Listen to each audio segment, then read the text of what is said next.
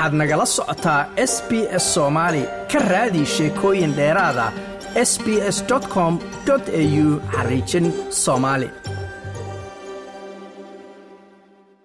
tirada dadka la nool sonkorta ama waxaa diabetiska la yidhaahdo ee dalkan australia ayaa la saadaalinayaa inay labanlaamaan marka la gaaro labada kun iyo afartan iyo shanta oo ay gaaraan saddex milyan oo qof.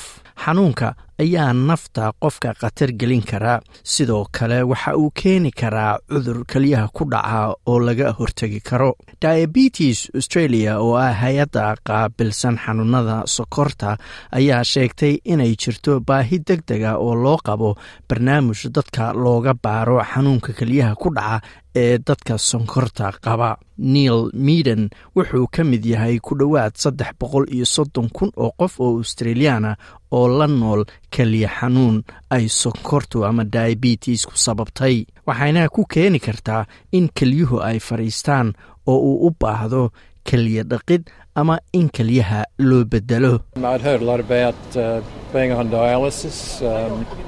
wax badan ayaan maqlayay ayuu yidhi keliyo dhaqid aad baana uga walaacsanahay fikradda ah in intaa mashiin lagugu xiro noloshaada oo dhan ma aha wax aad soo dhoweynayso.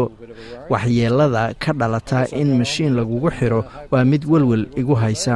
Laakiin waxaan rajaynayaa inaan heerkaas aanan gaarin ayuu yidhi warbixin cusub oo ay diabetes australia soo saartay ayaa iftiimisay saameynta xanuunka keliyaha ee sokortu keento iyo keliya fariisadka la xiriira waxaana la qiyaasay in dhaqaalo gaaraya labo dhibic lix bilyan oo dollar ay ku baxdo xanuunadaasi sanadkiiba. Warbixinta ayaa sidoo kale lagu shaaciyey keliyo nadiifinta lagu sameeyo dadka sonkorta awgeed. Keliyuhu ay u fadhiisteen in ay shantiiba boqol ka yihiin dadka cisbitaalada la geeyo lagu dabiibo.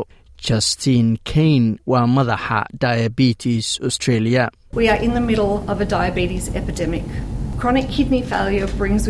waxaanu bartamaha uga jirnaa ayay tiri faafka xanuunka sokorta oo sii badanaya.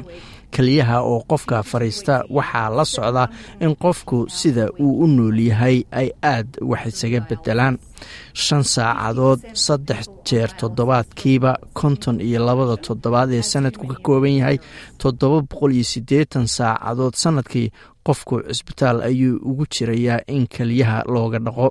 konton boqolkiiba dadka keliyaha laga dhaqo waxay sheegaan inuu ku dhaco ama ay qabaan xanuunada murugada ah ama depressionka waxaa la yidhaahdo sidoo kale qaar badan oo ka mida dadka dadkaasi xanaaneeya ayaa iyagana murugo iyo walaac uu ku dhacaa in hore loo ogaado oo sidaas wax looga qabto ayaa caawin karta ayaa la yidhi xanuunka keliyaha ku dhaca. Laakiin in ka yar hal afartii qof ee qaba xanuunka sonkorta ayaa iska baara wakhtigii loogu talagalay inay iska baaraan kelyahoodu inay fiican yihiin iyo in kale. Rofesor richard mcisak waa madaxa qeybta keliyaha ee cisbitaalka st vincent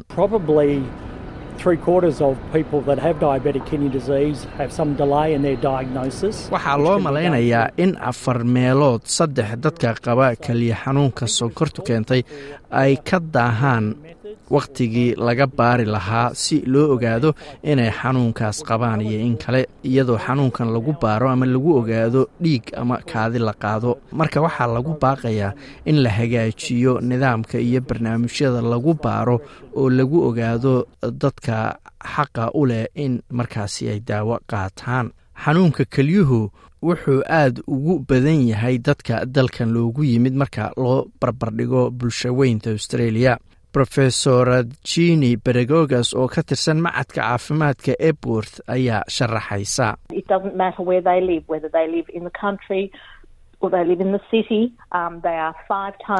meeshay doonaanba ha ku noolaadeen ama ha ku noolaadeen baadiyaha ama magaalada waxay shan jeer uga badan yihiin inuu xanuunkan kelyuhu ku dhaco. Nasiib darra afar jeer ayay uga badan yihiin inay u dhintaan xanuunka kelyaha uga dhaca. Waxaan ognahay in dhulalka fogfog ee australia ay labaatan jeer uga badan yihiin in kelyuhu fadhiistaan marka loo barbardhigo shacab weynaha australia justin kain ayaa sheegaysa in barnaamij lagu baaro loo baahan yahay in la sameeyo.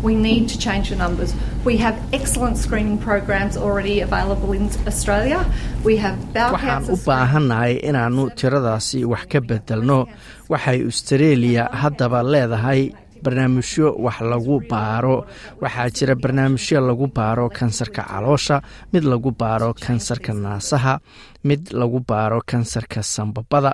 Marka waa muhiim inaannu ka fakarno dariiqaas oo kale iyo waxa kastoo aannu samayn karno annagoo dhan si aannu tiradaas u bedelno wasiirka caafimaadka dowladda federaalka mark butler ayaa ammaanay iskaashiga dowladdiisa iyo hay'adda diabetes australia.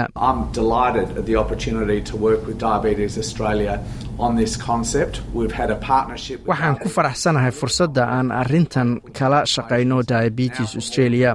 Iskaashi ayaanu la leenahay hay'adda diabetes australia dowladda federaalka xisbigii doonaba ha maamule muddadii soddonkii sano ee u dambeeyey waanu la shaqaynaynay hay'addaas ayuu yidri waxaana is leeyahay in iskaashigaas uu keenay adeegyo fiican oo loo sameeyo dadka qaba xanuunka sokorta iyo kuwa keliyaha daawo yaraynaysa ama hakinaysa in keliyuhu shaqo gabaan oo la siiyo dadka qaba sokorta nooca labaad ama tybe twoga loo yaqaano iyo xanuunka keliyaha ayaa lagu daray nidaamka kabidda daawooyinka laga bilaabo kowda julaay haddii aan lagu dari lahaynna daawadan oo la yidhaahdo karendiya ayaa kumanaan doolar ugu kici lahayd dadka u baahan.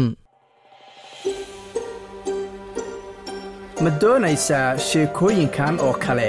Ka dhegayso apple podcast google podcast spotify ama meel kasta oo aad bodkastigaaga ka hesho